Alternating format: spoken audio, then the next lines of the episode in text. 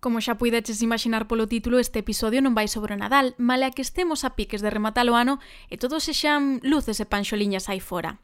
Desta vou te levar a unha parroquia galega que cada mes de xullo protagoniza portadas en medio mundo, aínda que durante o resto do ano pouco ou nada saibamos dela porque en Sabucedo o traballo continúa pase niño os 365 días do ano para preservar non só unha das tradicións senlleiras de Galicia, declarada de interese turístico internacional, senón tamén un ecosistema único no mundo. Benvido, benvida a unha rapa das bestas en 360.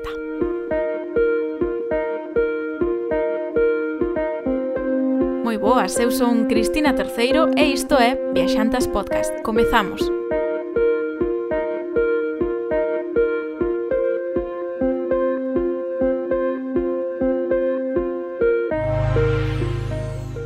vai ser unha viaxe en 360 porque imos falar de moito máis cada festa que hai detrás da Rapa das Bestas de Sabucedo no Concello Pontevedres da Estrada.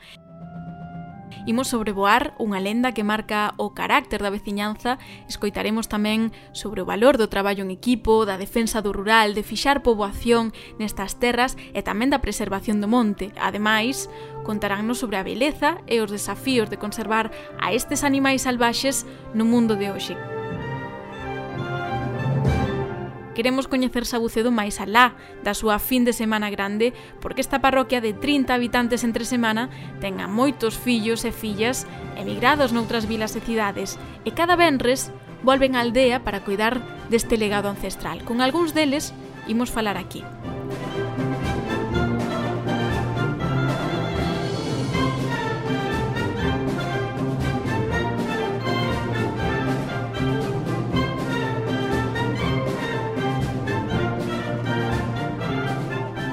Isto que escoitades é Rapa das Bestas, un poema sinfónico que o compositor estradense Simón Couceiro Ribeira lle adicou a esta tradición al ano 2015, porque a rapa inspira?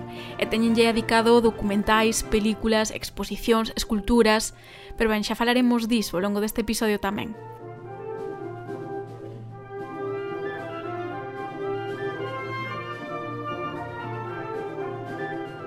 Eu como estradense fun ao curro unhas cantas veces, de cativa, con amigos ou como xornalista a cubrir a festa para a Xencia F nalgúnha que outra ocasión. A última vez que estiven por ali foi precisamente no verán, Por mor da pandemia, a rapa pospuxose ata finais de agosto e a min xusto pilloume en Galicia, algo que non ocorría, por certo, dende o 2014 ou así, xa chovera. Así que, nada, sen pensalo moito, saquei entradas no último minuto e alá me fun. Evidentemente non era unha edición normal e corrente, con menos xente pola pandemia, mas sí con mesma esencia, non? Ese cheiro a polvo a feira e churrasco, esas artesanías alrededor do curro, as música tradicional, e sobre todo unha loita corpo a corpo entre bestas e aloitadores. Mais alá do poético da frase, o que tamén hai é amor. Amor e dedicación a donoren a estes animais. Mentre eu estaba no curro vendo a todos os integrantes da organización correr dun lado para outro, axudando os visitantes a topar o seu sitio, pois a verdade é que comecei a pensar na idea deste episodio, porque surxírdome algunhas dúbidas, non? Como, por exemplo, que é a rapa para Sabucedo, como é todo o que non se ve, mas que é absolutamente necesario para que esta tradición perviva no tempo. Sobre todo isto imos falar con Paulo Vicente Monteagudo, que é presidente da Asociación Rapa das Bestas e Aloitador, tamén con Maruxo Velleiro, que é veterinaria e integrante da asociación, con Iván San Martín, abogado, con Enrique Bazal, aloitador, expresidente da asociación e actual secretario, e tamén con Javi Brea, un deses aloitadores especiais que, malia vivir lonxe, tamén poñen o seu grao de area para que a tradición non decaia. Xa nos van contar máis todos eles. Benvidos! Ben, eu para romper o xeo quería comezar por unha sinxela, non cal é a vosa primeira lembranza da rapa? O primeiro que se vos veña á cabeza. Pois desde, desde cativiños, pois eu diría que con cinco ou seis anos, non? E eh, a primeira vez que fun co meu tío a monte, eso, eso marcoume, máis que máis que ocurro, máis que ninguna outra cousa, non? Ir ao monte e de repente estar xuntando ali pois 500, 600 bestas que se xuntaban daquela, non? eso marcoume por resto da vida, foi algo impresionante. Despois todo máis a, todos os anos a repetir, non? Eu o que máis recordo é a entrada do curro cando tiña seis anos, detrás de meu tío, meu tío Xosé. Eh, esa sensación, ¿no? De uf, como eh, no sé describir la sensación, pero es ese, ese, recuerdo de, bueno, como un impulso y una emoción dentro entre miedo y ganas, ¿no? Una cosa así. Es un recuerdo moi fuerte que tengo aí. Sí, eu tamén recordo quizáis o, o monte como algo máis importante para min e, e a mí que empezamos a ir realmente con outras xeracións como era o, o pai de Maruxa como era eh, a, a, a época máis de cando Enrique era novo e, e entón eso foi andar con esa xente e, e ir ao monte con eles foi o que creo que nos fixo sentirse abuzada como sentimos hoxe en día. Bueno, para min eh, o máis importante sen dúbida o monte porque sempre eu sempre iba con meu pai todos os sábados íbamos ao monte e despois empecé a ir ao Monte Día da Rapa.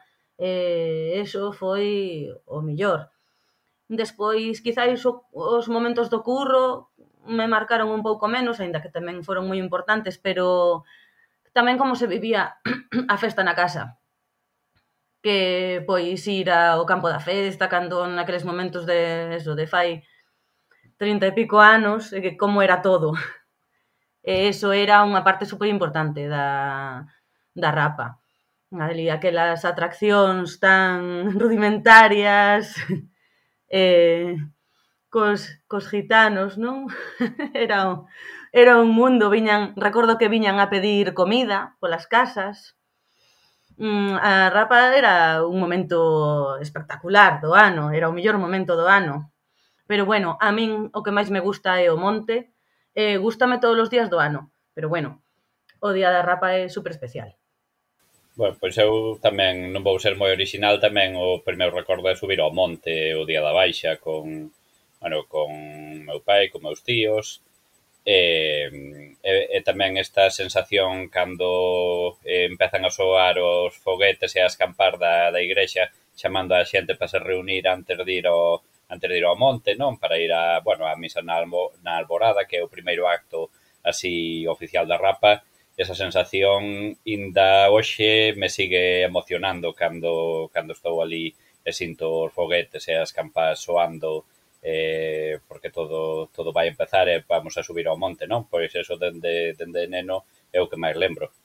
Eu, por engadir, decir que mm, a festa, para, para min o máis importante da festa é que como celebrar un ano de traballo, non? De esa sensación sempre de cando chegas de que de que para poder ir á festa hai que merecelo antes, non?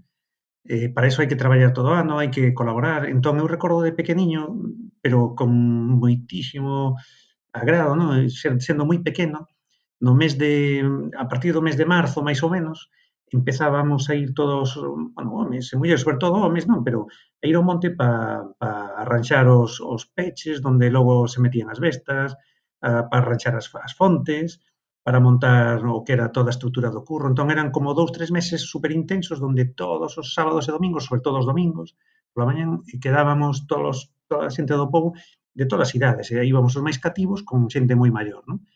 E esa sensación de, de, de subir todos xuntos, teño agravadísima desde pequeno. Non? Ahora, ahora facemos distinto porque ahora é todo ano sin parar, xa non hai así non, non paramos todo o ano, pero ese, ese, eses meses de preparación eh, que eran super intensos, non?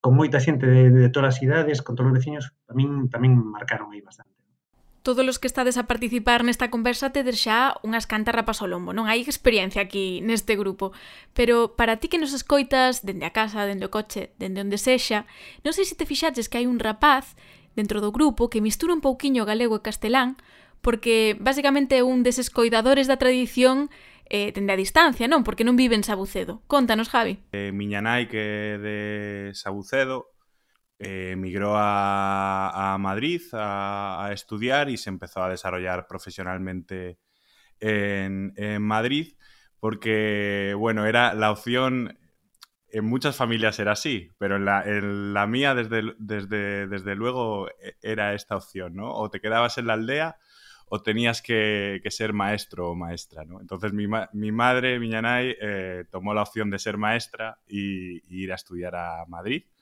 y continuó, continuó formándose allí, eh, trabajando, entonces nos Eh, nacimos allí, crecimos en Madrid, pero bueno, eh, la, opción, la opción que nos daba que, que, en nuestra familia, tanto meu pai como a miña nai, eh, son, son maestros, son mestres,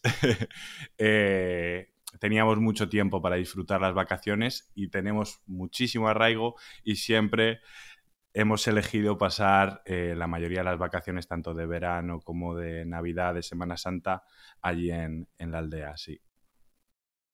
Non é un caso aillado, verdade? Hai máis xente eh, que, digamos, non vive, pero que sí que está moi vinculado a, a esta tradición, non? Confirmarche que non é un caso eh, único, ao contrario. eh, temos moitísima xente que tivo que emigrar eh, fora do país, eh, a Madrid, a, a Barcelona, eh, bueno, en, a moitas partes do Estado, e eh, incluso fora do Estado, e eh, que siguen vindo a, a Sabucedo, como fai Javier, eh, e seu irmán, Adrián, seus primos, eh, quero dicir, hai moitísima xente que, que vive fora, pero que sigue sentindo a rapa e eh, traballando por Sabucedo como que máis, vamos, eh, E hoxe en día, grazas ás novas tecnoloxías, pois témolos un pouquiño máis perto e a verdade é que nos axudan moitísimo os que estamos aquí un pouquiño máis máis perto de Sabucedo e que, e que son, bueno, un estímulo para nós que sigan sen, sentindo a, a Sabucedo e a Rapa tan, tan fondo. Sí, por unha parte é que realmente temos temos diferentes fases. Unha fase foi a fase dos pais de, de Javi que se foron a traballar xa hai 50 anos, pode ser, que máis tarde eh, foron marchando xente que ora ten alrededor dos 40 anos, eh, que é como a segunda oleada, e estou falando sobre todo esta, desta emigración a, sobre todo a Madrid e outras zonas como Zaragoza e por aí. E despois está tamén o, o que casi todos en Sabucedo somos emigrantes de, de semana, quero decir, marchamos o, o domingo á tarde, eh, volvemos o venres á tarde e, e así sucesivamente e entón isto tamén provocou que que, que de alguma maneira ninguén este ali pola semana. E, e eso dificulta moitas veces o traballo porque hai moitas cousas que facer durante a durante a semana, un lunes, un mércores, un xoves e casi nunca estamos ali eh, casi, casi se podería considerar eso, unha migración de semana por, por acudir ao traballo. Sí, imagino que eh, isto nos leva tamén a outro tema importante que é o, a despoboación do rural que tamén hai en Galicia, non é en Sabucedo quizáis pois é un bo exemplo, pero que ocorre en moitas outras zonas. Despois podemos volver eh, un pouco máis en detalle tamén para saber como axuda a Rapa, non, a, a neste sentido, pero contádeme un pouquiño como é ese proceso para preparar todo, non? É dicir, non se, se falamos da rapa, eh, temos en mente eses tres días, non? Esa fin de semana grande na que pois acude un montón de xente, na que temos en mente os curros, a baixada eh, dos cabalos, pero ao longo do ano supoño que tedes eh, moito traballo, un pouco xa nos contabades a, ao comezo. Nos anos 80 onde moitos medramos mm, había un libro moi coñecido que era A historia interminable de Michael Ende, que pois arrapa iso. unha vez que acaba unha edición xa empeza a prepararse a seguinte. Non, non hai unha preparación en sí porque é durante todo o ano. Como decía Enrique antes, a rapa son 365 días ao ano, quero decir, porque sempre hai que facer algo, sempre hai unha besta que coidar, un animal que, que se mete nunha estrada, que, que pode eh, acceder a unha aldea onde, bueno, acceder a algún cultivo e temos que sacar, hai que mirar os pastos se teñen auga, bueno, eh, son mil historias que hai que facer e despois todo o tema de papeleo, subvencións, permisos, seguros, bueno, eh, eso, eso non é, é totalmente eh, é dicir, é totalmente circular, non, non, non remata. Sí, eu, bueno, engadiría que hai, hai algúns momentos claves durante o ano, non? Por exemplo, cando son as vacacións, en Semana Santa, no Nadal, Mm, aproveitamos esas fechas porque veñen pois, xente como, como Javier, como Seismao, como Roy, irmão de Paulo, que están fora, e aproveitamos que nos xuntamos moitos máis para facer traballos máis gordos, non? Cando hai que mover máis bestas ou, ou de máis volumen, non? Pero ao marxen desas fechas nas que se fai moitísimo volumen de traballo, logo ah, hai todos os fins de semana, estamos quedando prácticamente todos os domingos ás 9 da mañá, pois para o que decía Iván, non? Para ir buscar bestas a un sitio, a outro e demais, non? E despois, pois a xente que estamos na directiva un pouco máis pois, pola semana seguimos con, con temas de papeleos, pois pedir unha subvención, eh, facer unha memoria para non sei que, eh, pois unha entrevista, ou, est, o sea, sempre hai un montón de traballos, non? Hoxe día estes cabalos de monte son únicos, non? En esta zona ocupan como unhas 3.000 hectáreas, non? De monte entre os concellos da Estrada, Cerde de Cotobade, Campo Lameiro, Cuntis... Falabades antes de quedar, non? As fins de semana para facer estes traballos máis físicos, Pero para vos cales son os principais desafíos que afrontades? Porque ao final por esas terras tamén pasan estradas, hai coches, imagino que as bestas se moven duns concellos a outros. Non sei, Maruxa, aí como veterinaria, que nos podes dicir? A ver, pois é unha labor moi laboriosa e moi problemática porque agora mesmo hai moitísima falta de pasto eh, no monte, entón as, eh, as bestas buscan que comer e acaban comendo nas aldeas eh, pois eh, cultivos. Entón, bueno, eh, crea un conflicto enorme con, con, con incluso concellos veciños. Vale? Entón, eh, dá un traballo terrible, agora mesmo as manadas están super disgregadas e incluso hai manadas formadas por dous, tres individuos, cinco individuos, eh, entón están moi pouco agrupadas e, e todo isto facilita que, que aparezcan nos pueblos, están nas carreteras, e, e eso, e comendo cultivos de, de xente que, que planta para as súas vacas, por exemplo, non? E, e eso dá moitísimo traballo, é un tema moi pouco entendido, claro. E, ademais, Sabucedo ten moi pouquiño monte, porque é unha aldea, é unha parroquia con unha sola aldea, bueno, é outra moi pequeniña, e, e, e ten moi pouquiño monte. Entonces, a, maior, maior parte con moito de todos os animais están en outras parroquias e en outros concellos. E, e claro, este é un tema moi difícil de levar. claro. E ademais non é nada fácil eh, chegar a un sitio e quitar unhas bestas de, que están comendo nas veigas, pero ao mellor baixan a comer a sete da mañán, e cando chegamos nos a seis da tarde é imposible localizalas moitas veces, e outras veces, pois, xa son suficientemente intelixentes como para non deixarse coller.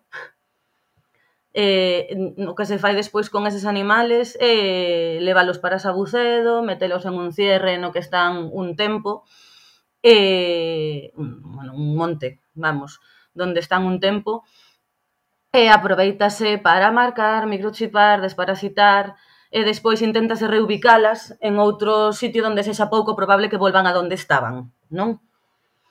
E, pero bueno, é un traballo moi laborioso e moi feo. Imagino que claro, aí se perde xa un pouco eh, esa parte non de, de salvaxe porque de alguma maneira é unha intervención do home moito máis importante non que no pasado.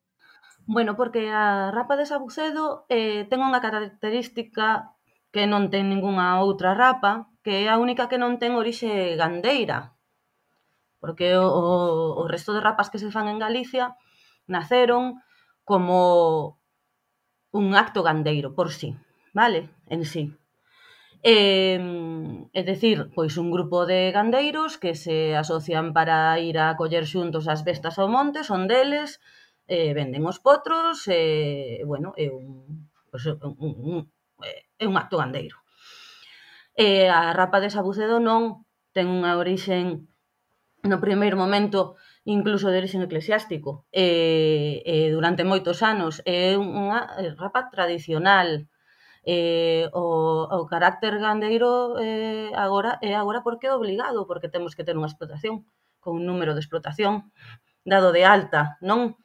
Pero non, non é o mesmo, é un grupo de veciños que se ocupa, digamos que dunha herdanza que, que foi quedando, non é non ten o mesmo orixen, entonces é un traballo voluntario. Claro, da xente que se que lle importa a rapa e Sabucedo, entón implícase.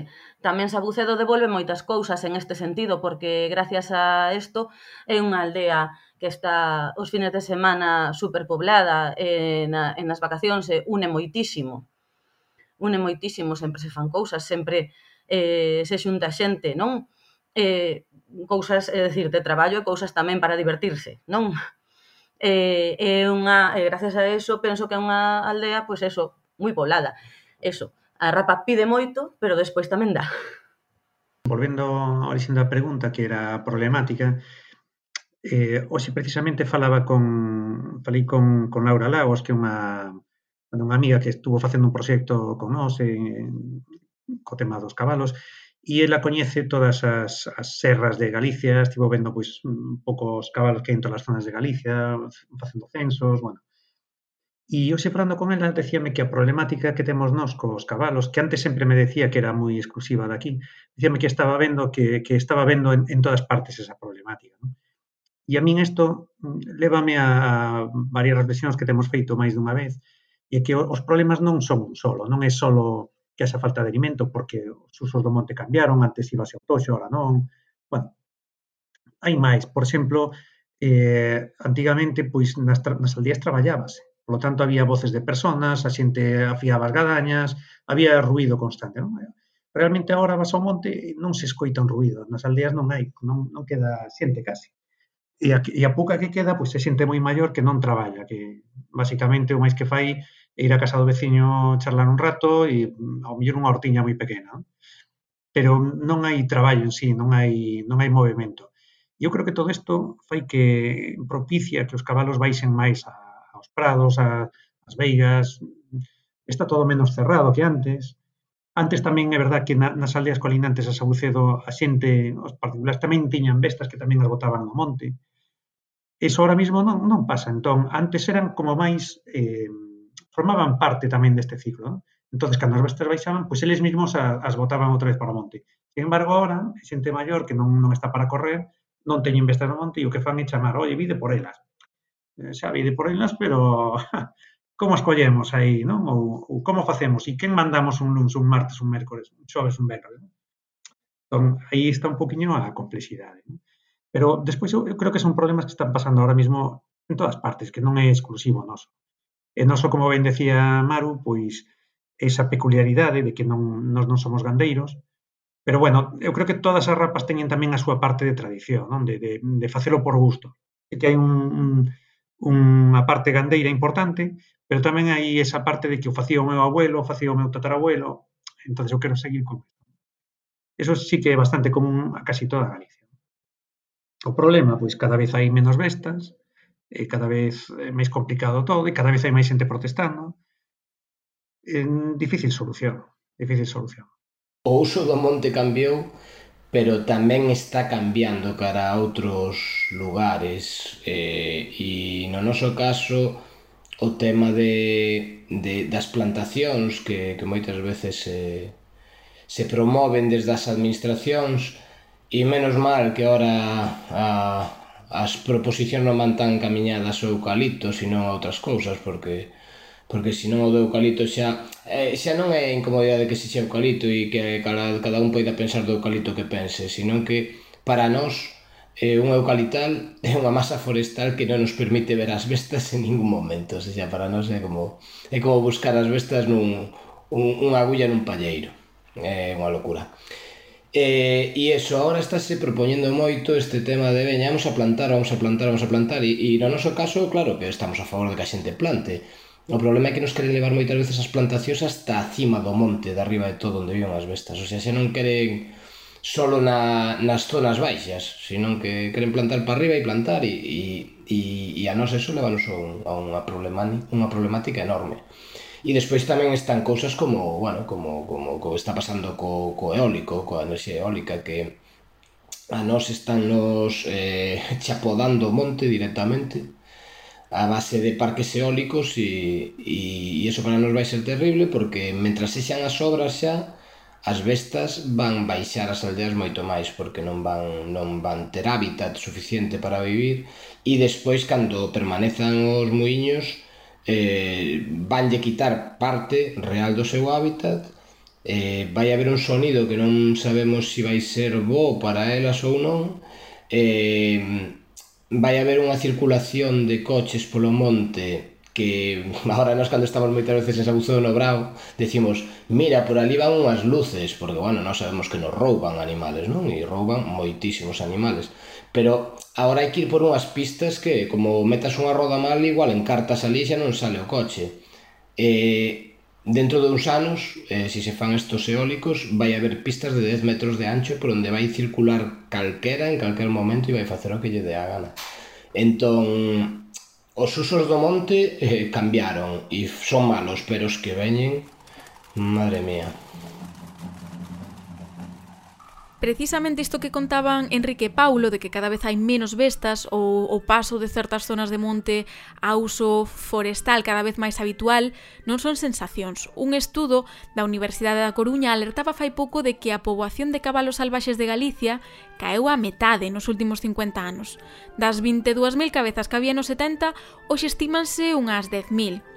A entrevista cos integrantes da asociación, con Paulo, con Enrique e cos demais, fíxose antes de que saíse este estudo, mas podedes notar que un pouco que nos contaban vai un pouco na liña do que di o estudo, que se non se lle pon remedios desafíos, as bestas poden acabar desaparecendo, e con elas a tradición.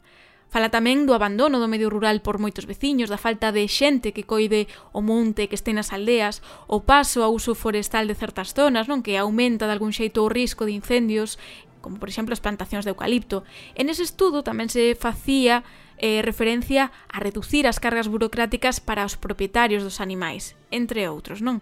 Ben, unha serie de retos que agocha o rural e eh, que, aínda que non este todos os días nos medios de comunicación, pois afecta non aos seus habitantes. Imos seguir coa entrevista. Durante a conversa mencionastedes en varias ocasións a palabra tradición e todos sabemos un pouco a lenda nun que agocha a rapa das bestas con ese componente relixioso tan importante. Esas dúas irmáns que lle ofreceron ao patrón de Sabucedo San Lourenzo dúas bestas e as defendía da praga de peste que había na comarca. Pasado mal, as irmáns cumpriron a promesa e entregaronlle os animais ao cura. O que veu despois xa foi obra da natureza, obviamente. Hoxe, esa crenza, esa protección do santo, aínda se reflicte e se escenifica coa misa na honra a San Lourenzo coa que se inauguran os festexos. Que se coñece das orixes, entón? A lenda sí que, sí que ten visor de que, de que poda ser realidade o que non, o que non exclúe que sexa unha cristianización dunha tradición anterior, porque Nos montes de, de, de Sabucedo, nos montes onde viven as bestas eh, que rodean Sabucedo, hai, hai petróglifos, e eh, estos petróglifos ás veces mos, mostran escenas eh, de, de homes interactuando, homes e mulleres interactuando con animais. Entón, bueno, nós temos ali en Sabucedo un, unha persoa que é Manuel Cavada Castro, que é un, un estudoso da, da Rapa das Bestas, que é que aproveito para comentar que agora reeditou o seu libro A Rapa das Bestas de Sabucedo, que fai un estudo de toda a tradición, incluso dende un punto de vista antropolóxico. E unha das cousas que, que se pode sinalar é que posiblemente a rapa das bestas ou xuntar as bestas para baixalas, rapalas, e, bueno, ao mellor retirar as cris, pois poidera ser un, unha, unha costume, unha tradición milenaria que, que veña xa moito antes do cristianismo e que sexa unha maneira de, bueno, un rito de paso para a xente moza incluso de, de bueno, de, de facer unha actividade comunal de, da, do clan, da tribu daquela, de, de facer algo en común que aparte lle sacaban un proveito. É certo que despois a, a Igrexa tivo un papel moi importante porque, bueno, durante moitos séculos foi, foi a propietaria, eh, aínda que non sin o consentimento dos veciños de Sabucedo, porque eu creo que se os veciños da Sabucedo se reviraran a igrexa pouco tiña que facer, foi a, a propietaria da, da, da Eguada do Santo, a raíz de, desta tradición, non? De, das dúas vellas que so, ceibaron dúas bestas no monte para agradecer salvarse a San Lourenzo, salvarse da peste negra, E despois, e despois sí, a partir da eh, unha vez eh, que colleu as rendas da festa a Asociación Rapa das Bestas de, de Sabucedo, xa a Igrexa tivo un papel moito máis secundario, pero sí que é certo que a Igrexa tivo un papel moi moi importante, non, non hai que negalo. Despois, bueno, a misa esta do, do sábado, bueno, sábado, agora é o Benros pola mañán, antes era o sábado, de, de subir, a ver, eu, eu creo que fora de, das crenzas de cada un, sí que é un, a min gustame moito, eu intento sempre ir, intento sempre ir, porque para min, máis que un acto en sí católico, é un acto comunal, non? É como xuntámonos todos, eh, pois eh, un pouco para, para darnos forzas e para desexar que non pase nada durante durante a festa. A min, a min sí que eu son asiduo desa, desa celebración eh, religiosa. De feito, sempre o digo, é das que creo que é a única das que das que vou que vou a gusto, vamos, que vou porque realmente me apetece non moi moitas veces que as outras que vas un pouco forzado. A ver, personalmente non son crente, pero é verdad que, que o día de o día da rapa pois sempre che dá o seu aquel aquelo de ir ali a, a misa Ola, a ver, vou, vou, vou dependendo de como fora o día anterior así, ou a noite anterior un pouco, non? Pero intento ir. E, e, e a verdade é que vas un pouco pensando en que, bueno, vou ir, non vai a ser que despois retorzo un, un, un pé e, e lle teña que botar a culpa que non fun a misa. entonces de primeiras vou. Eh, pasa o mesmo tamén co día da festa de San Lourenzo. eh? a, a maioría da xente que non vai á igrexa nunca, pois ese día imos ali á porta a cheirar, ali a ver que pasa.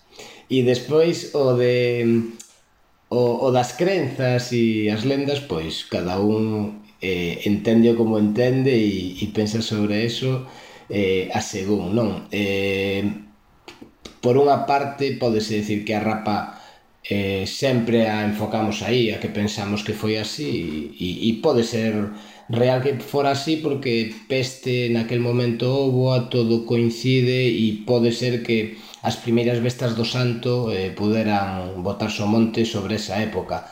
Tamén é verdade que, que o mosteiro de Acibeiro eh, estaba aí antes do século XVI e que xa se decía que, que había vestas que estaban nos montes e que os monxes do mosteiro pois tiñan a xente de Sabucedo para que lle mirara por elas e lles baixaron a vez o ano para contabilizar, sacar cartos de poldros e, e cosa. Entón, eu que sei, pois, a lenda pois hai que dar o seu peso. Está ben, as cousas tamén hai que, ás veces hai que poñelas sobre, sobre a mesa e decir, pois, na, al, algo haberá que, que pensar que puido ser, non? Porque senón é todo moi etéreo.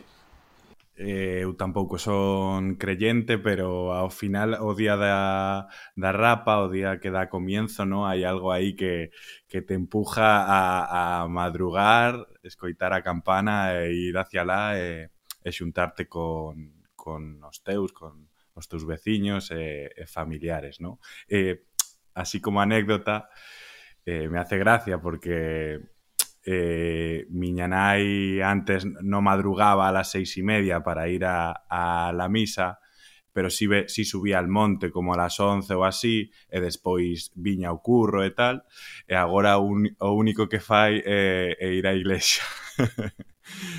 Bueno, os cambios que a idade co tempo, non? Maduramos tamén. Para desear que non ocurra nada, logo al curro non quere entrar, sabes? Ese, entonces ese, ese punto aí. E o seguinte paso nesa, neses días, non? Xa é o, o berro de xente ao monte, non? Sigues a facer? Que, que, que hai detrás diso? Que, que pasa cando subides ao, ao monte? Como é esa, ese ritual? Porque tamén me imagino que hai moito xa de...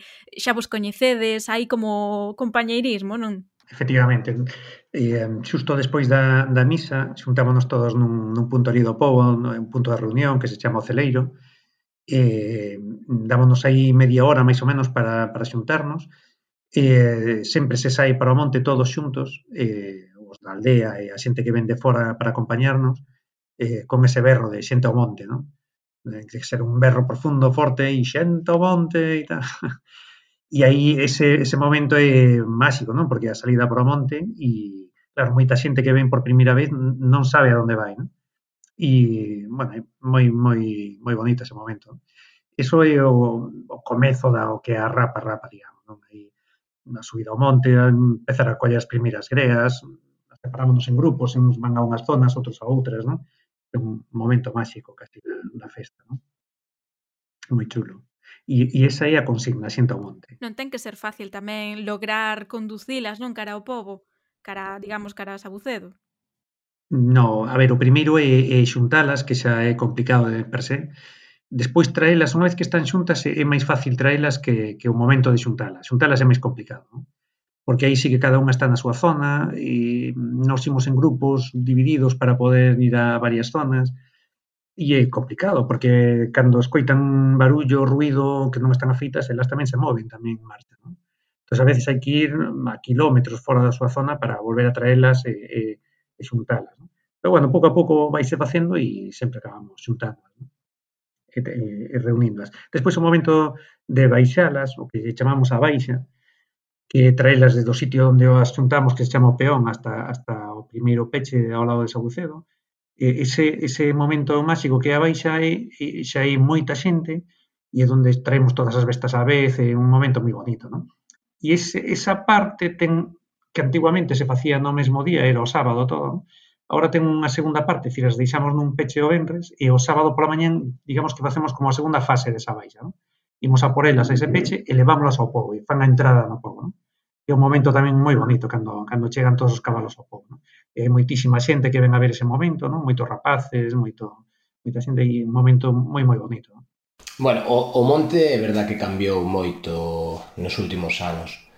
Básicamente po, polo que comentaba antes Maruxa, hai, hai 15 anos, 20 anos, as greas tiñan 80 bestas cada grea.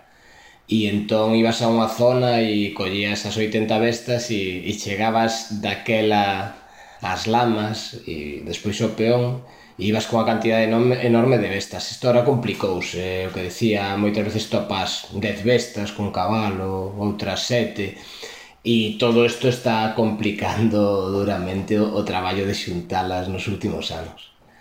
E, e por outra parte, tamén o que di Iván, que, que a, a xente, eh, si quere vir a Rapa, ten que ir ao monte, porque o, o curro é bonito, pero quer decir, po curro hai que ter un, un ancho de, de, de, de gusto por ver como unhas persoas se xogan ali a súa vida cunhas bestas que tamén están eh, pois nun momento de, de, de, de furia, de fusividade pero o monte é eh, natureza, é tranquilidade, é, é collelas, é, é unha cousa totalmente diferente. E, e eu creo que moitas veces hai moita xente que ven a Sabucedo e non vive o monte e pérdese a, a parte fundamental, o sea, a parte esencial do bonito que pode ser interactuar coa natureza.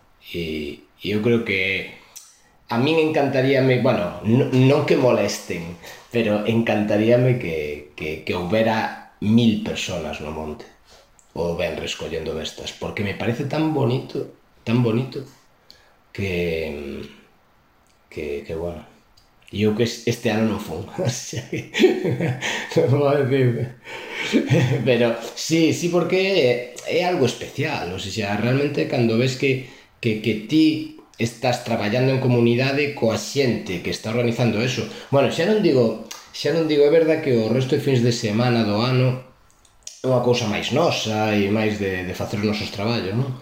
Pero eu achegaría máis a Bucedo calquer día que houbera que coller bestas, porque porque ir ao monte a collelas é, é precioso. É cansado, pero, pero é precioso.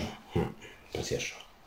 Bueno, no monte eh, todo mundo pode participar, eh? ou seja, non é non é pechador de Sabucedo, o curro sí, pero pero o monte eh, calquera que veñan, que sexa a primeira vez que, que ven, se ven con ánimo e con un pouquiño de gañas de, de aprender e de escoitar a xente que sabe, como facemos moitos, eu incluído, pois pode axudar e pode pasalo moi ben. Eu teño ten vido comigo xente que era a primeira vez que, que vei, que, que ia ao monte, e pasou no genial, e sinteuse útil, e axudou, e, e foi para eles unha experiencia maravillosa, vamos. Sí, ademais a xente que ven de fora, sen dúbida, é o monte o que disfruta, non? Porque o curro eres espectador, pero no monte eres participas. Imagino. Maruxa, que tamén quería dicir algo? Bueno, eh, a min xa desde o principio que empezamos a falar da rapacha se me pon así a pel de galiña, non? E poñome nerviosa, pero o momento do monte é, sin duda é o favorito, non? Eh, produce moitos nervios. Eh, por exemplo, miña nai que non é de Sabucedo, eh, outro día contaba que a primeira vez que foi ao monte foi con en pandilla, non?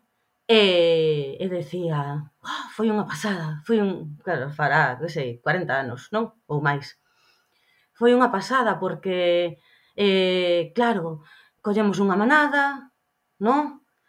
Cousa, claro, hasta entonces nunca vivida nada parecido, non? Eh, collemos unha manada, levámola entre todos e despois con todas as bestas chegamos a Sabucedo, non? Eh, eh, que iban todos se sentían unos héroes. claro, eh, non sei, eu eh, na miña casa sempre se falaba de todas as historias do monte, por exemplo, meu pai se, eh, seguro que tedes escoitado esta historia que entre tres eh, non sabían que facer, estaban en Sabucedo calquer día de inverno e non sabían que facer, e entre tres baixaban unha manada entre tres rapaces. Facían facían unhas estrategias, se levaban hasta Sabucedo e despois deixaban a marchar, non?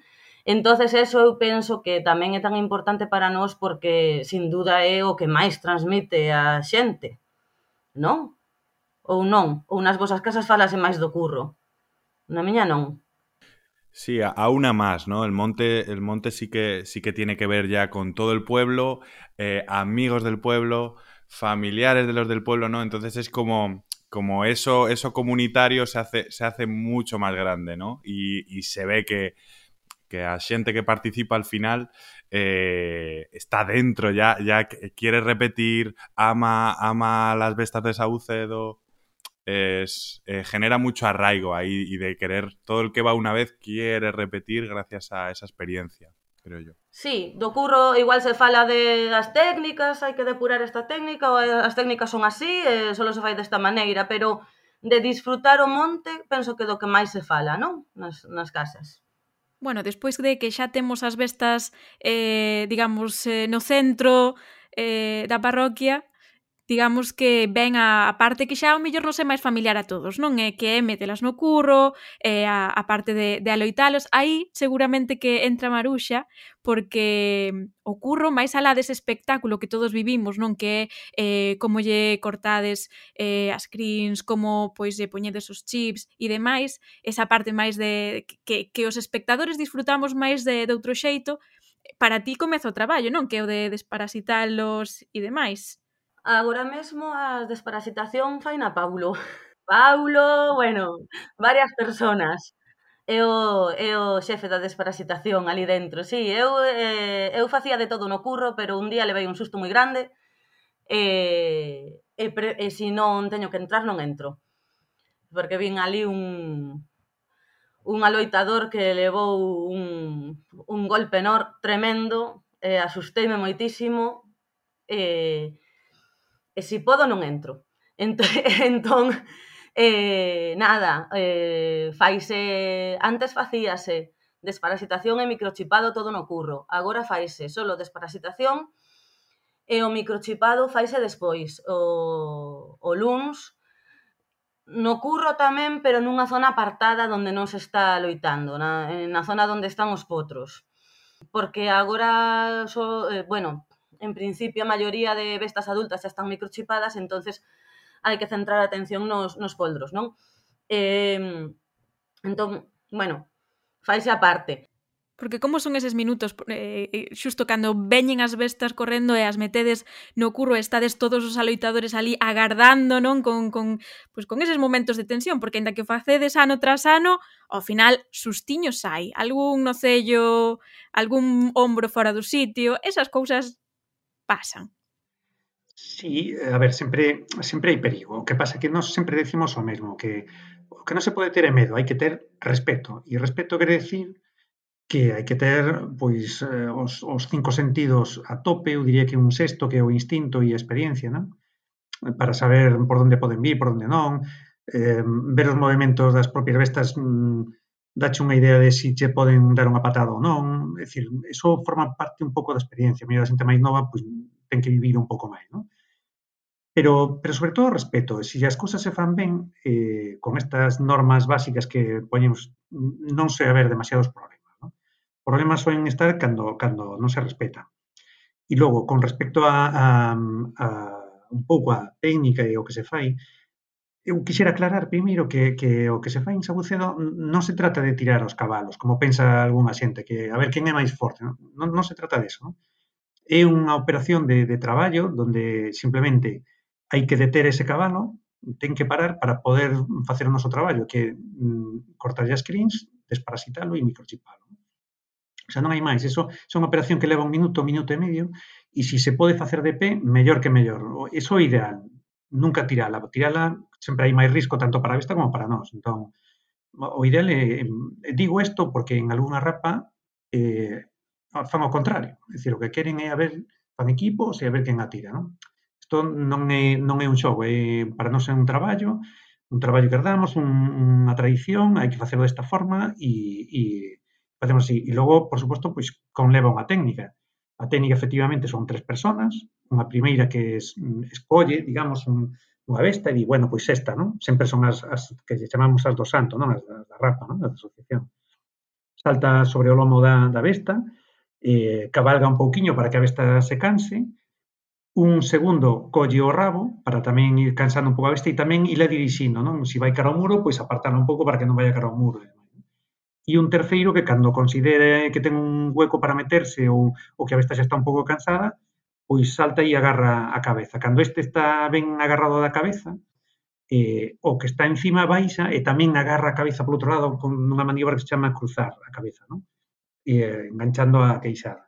E aí é cando, bueno, pois entre a pericia e a forza dos tres, pois se detén a besta e a partir de aí se fai os traballos, non? Entra un rapador que, que rapa as crins do pescozo, un segundo rapador que rapa as crins da, da cola, e logo pois entran Paulo e o seu equipo a, a, a desparasitar. Entón, é unha operación rapidísima, pode tardar un minuto, a veces menos de un minuto.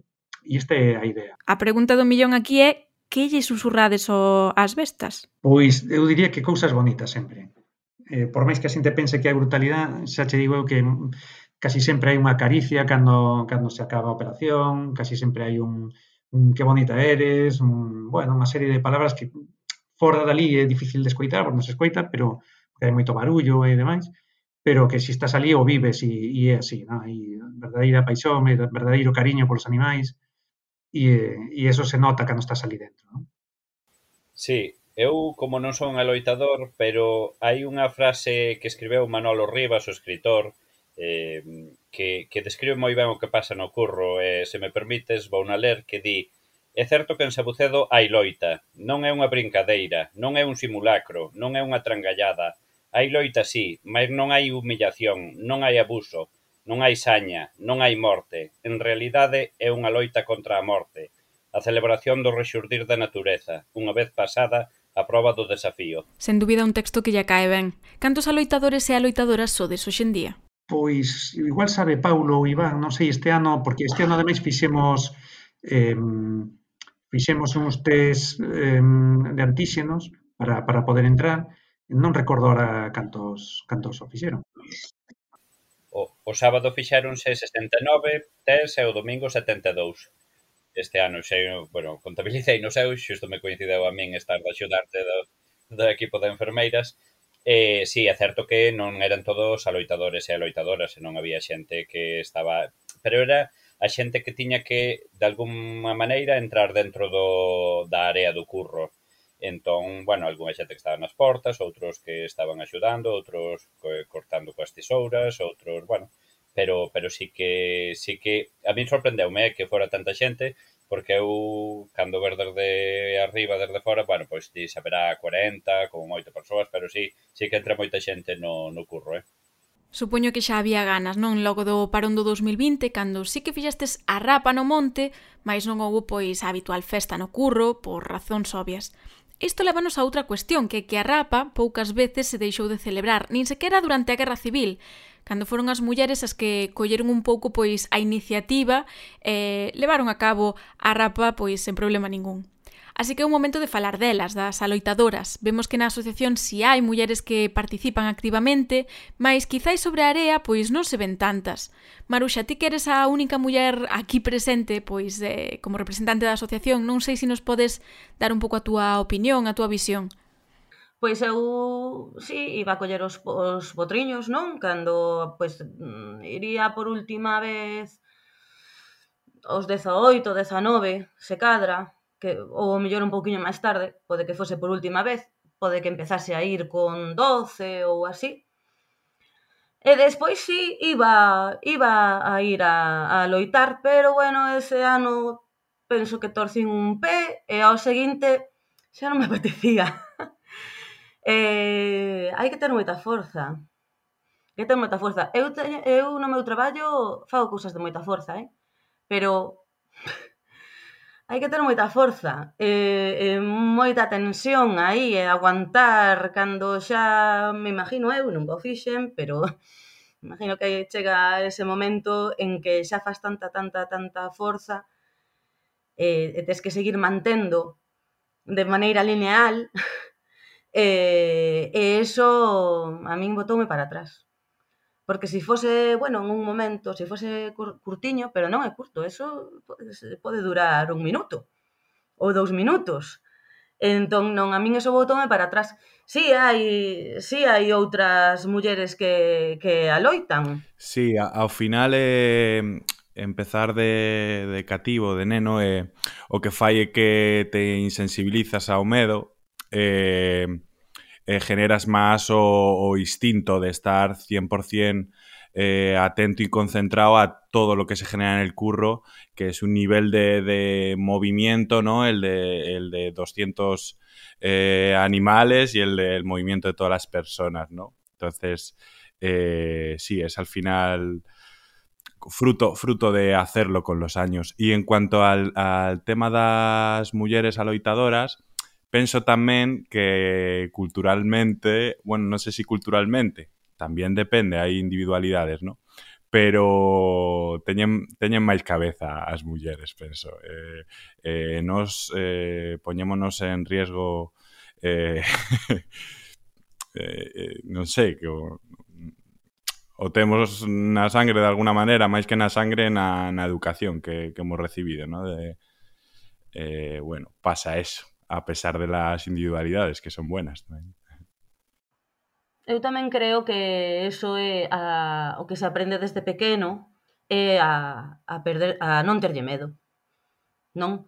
Mira, eu as, as primeiras veces que fun a coller potros, eh, e meu pai agarráballe o, o rabo, e eu agarraballe a cabeza, e meu pai, a propósito, soltáballe o rabo para que eu caíra ao suelo e quedaba no chan do curro, e recordo que estaban todas as patas das bestas así ao lado, ali, e el partíase de risa.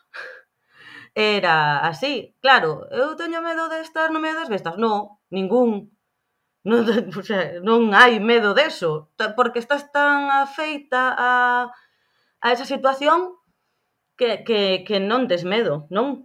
E eso penso que tamén é o que se consigue cos, cos rapaces, cando cando empezan, non? Que estén ali no medio do curro cómodamente, saber apartar unha besta para pasar, saber falarlle, saber onde poñerte, todas esas cousas.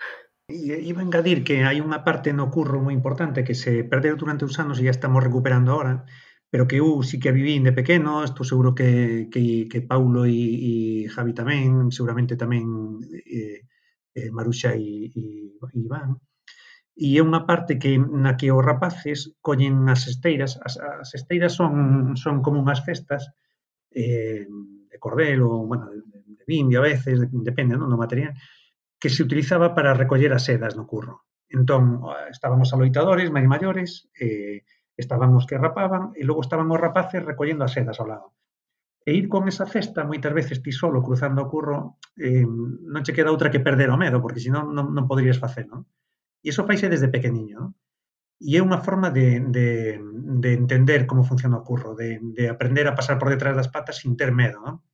a pasar entre as bestas e sin ter medo a levar un golpe. Pasas entre 200 cabalos salvaxes e non pasa nada.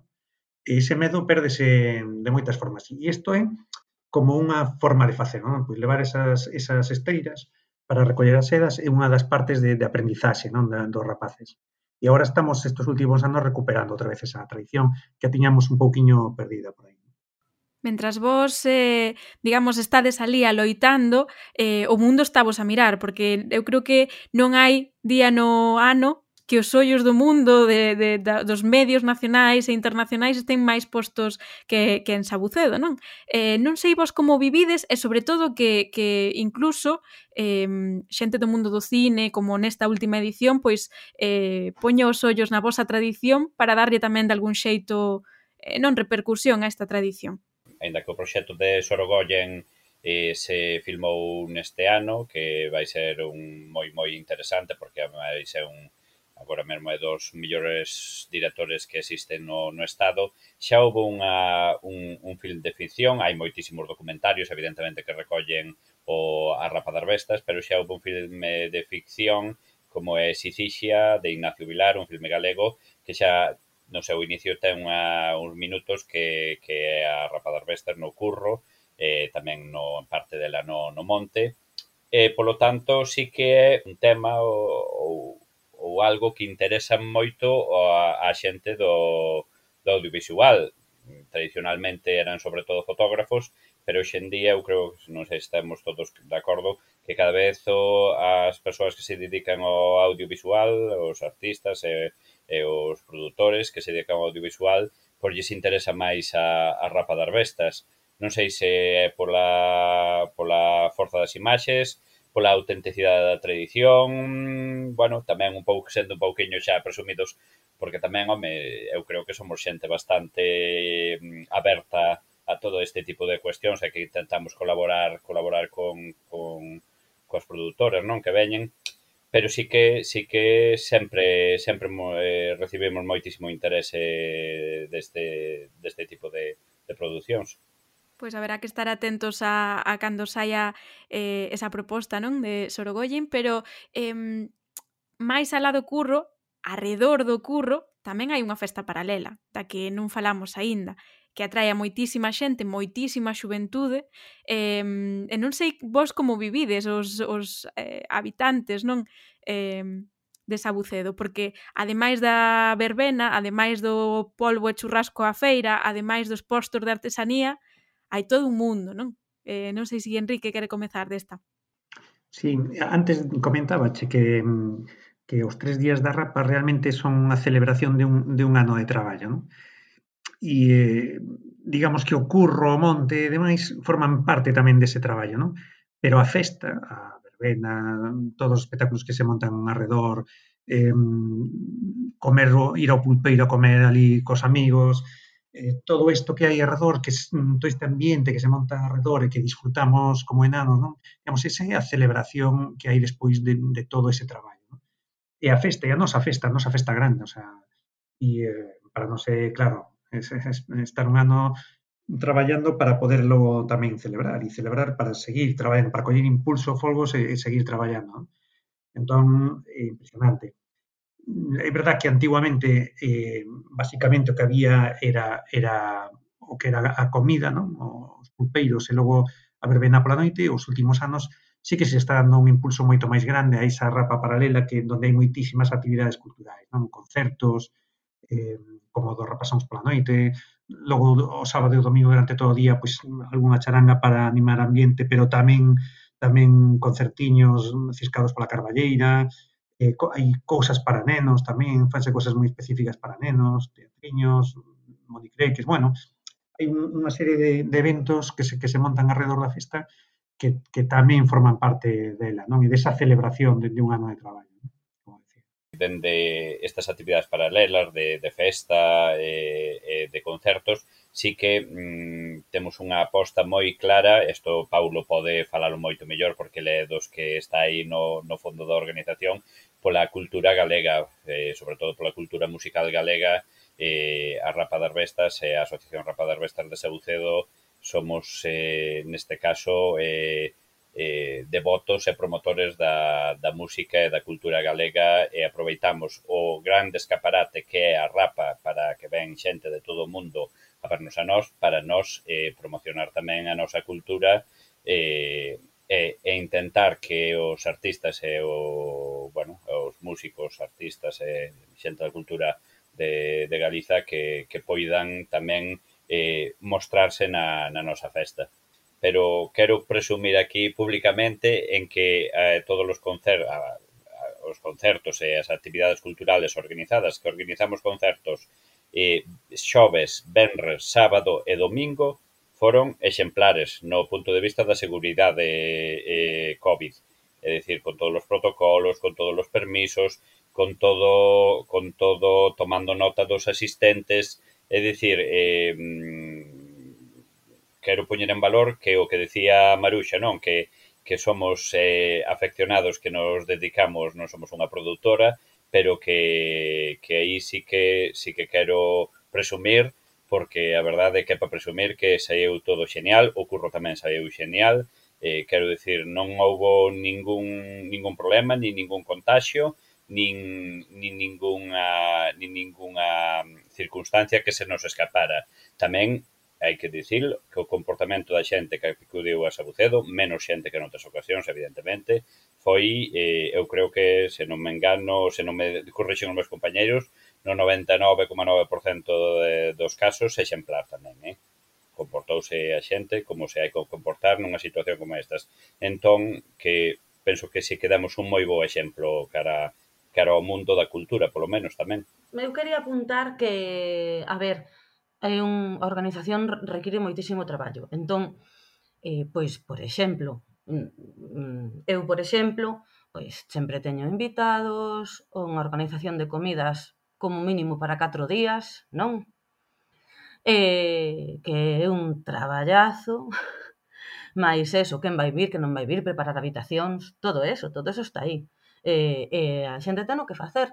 Eh, pois eu, por exemplo, a parte deso, non me quero perder o monte, que é a miña parte preferida, eh, non me quero, eh, se si podo ir un día ao curro vou, os outros eh, despois eh, si hai que ir a buscar as vezas ao cierre, pois vou a buscar as vezas ao cierre para, para baixalas para o curro, non? Ou eh, sempre un ou dous días eh, participo na organización do curro de control de portas, venta de entradas, verificación de entradas, hai que estar ali polo menos dúas horas antes para organizar todo ese traballo, as colas, eso é tremendo.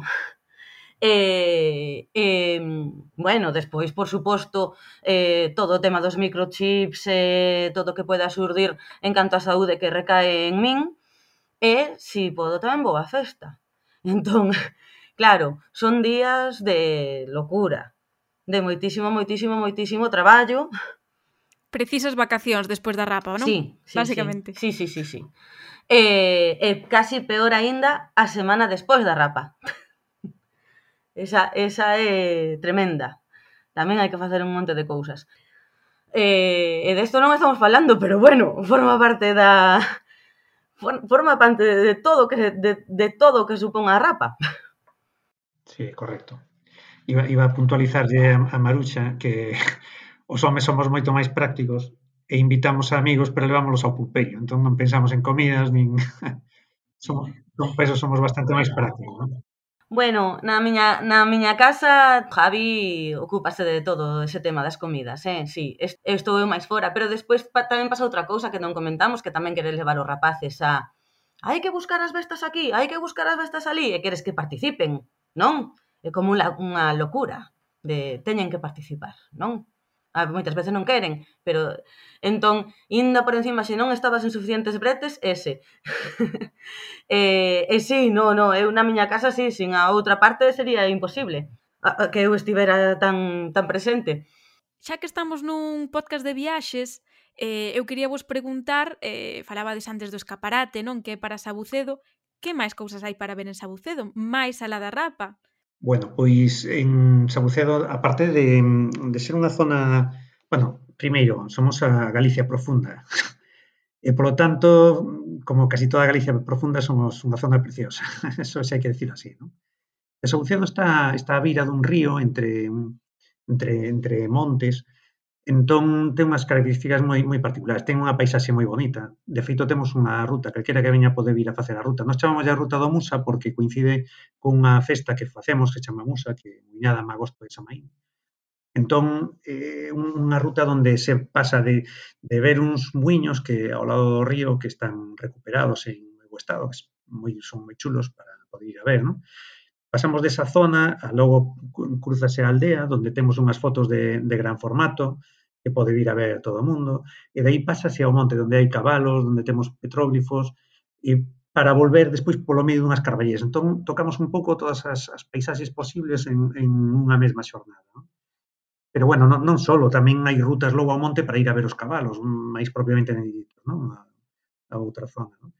Logo temos festas durante o ano, eh, e poden falar calquera deles, non, destas festas que facemos. E facémolas todas un pouco coa, coa mesma idea, non?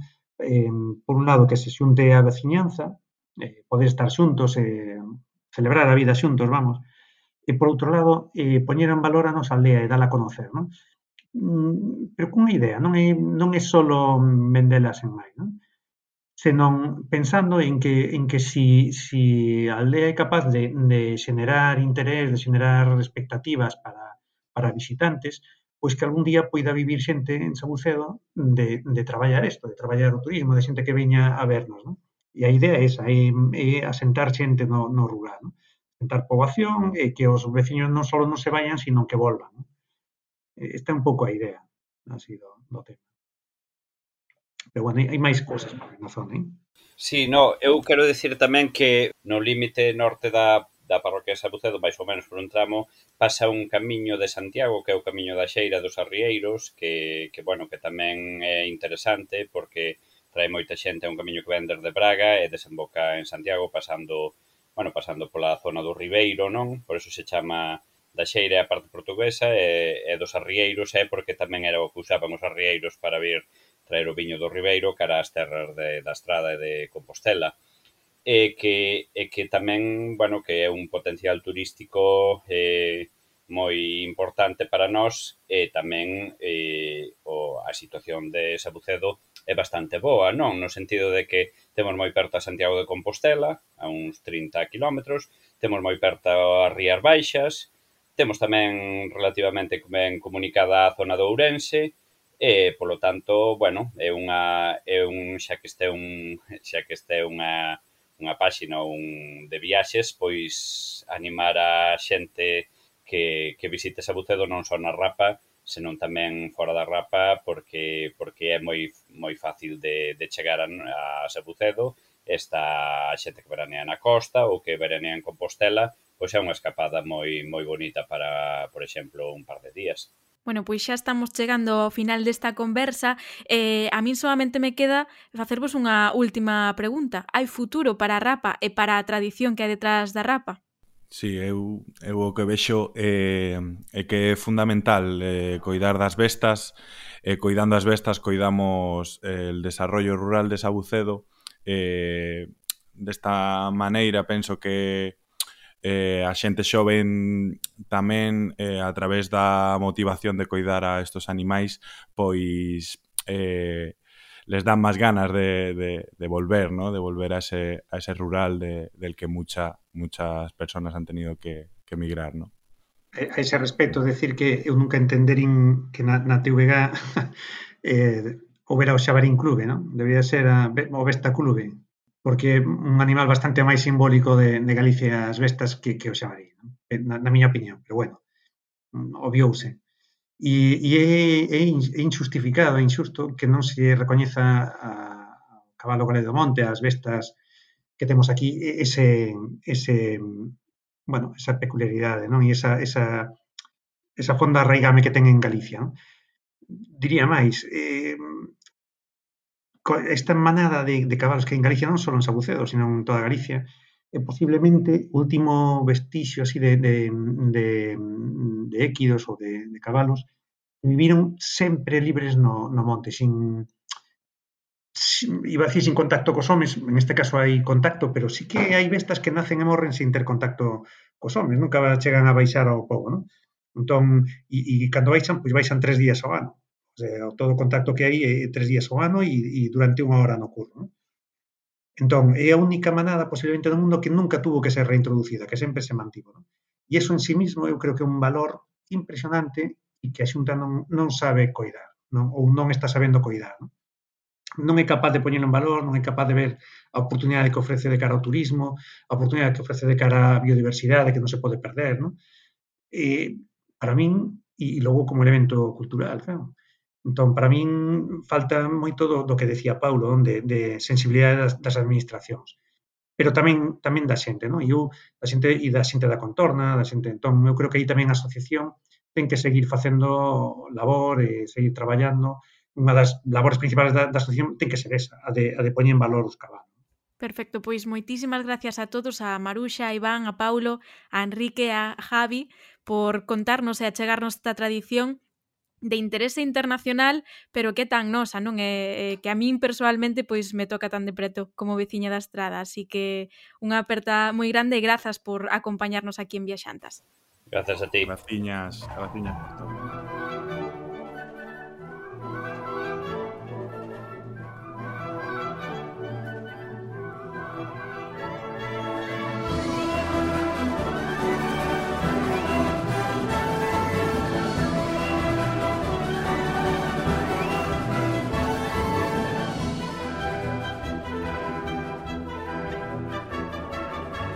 Ben, pois ata aquí esta inmersión na rapadas bestas de Sabucedo. Estou segura de que nos quedaron cousas no quinteiro neste episodio. Por iso vos animo a que visitedes Sabucedo, a que vayades a Rapa, máis tamén que a visitedes no verán ou no Festival Musa, Muiñada, Magosto e Samaín, que celebran pois no outono, que fagades a súa ruta dos muiños, que coñezades a súa ponte de pedra, ou como nos aconsellaron os nosos convidados, que coñezades o monte. Hai moitos xeitos de vivir esta experiencia. Pero ben, xa sabedes que podedes contarnos as vosas impresións sobre este episodio, o que vos vivistedes en primeira persoa ali, en Sabucedo, a través das redes sociais. Estamos no Instagram, en Facebook, en Twitter ou tamén na nosa páxina web, viaxantas.gal. Eu desexo vos unhas felices festas e escoitámonos xa no 2022 con máis escapadas sonoras. Adeus. Música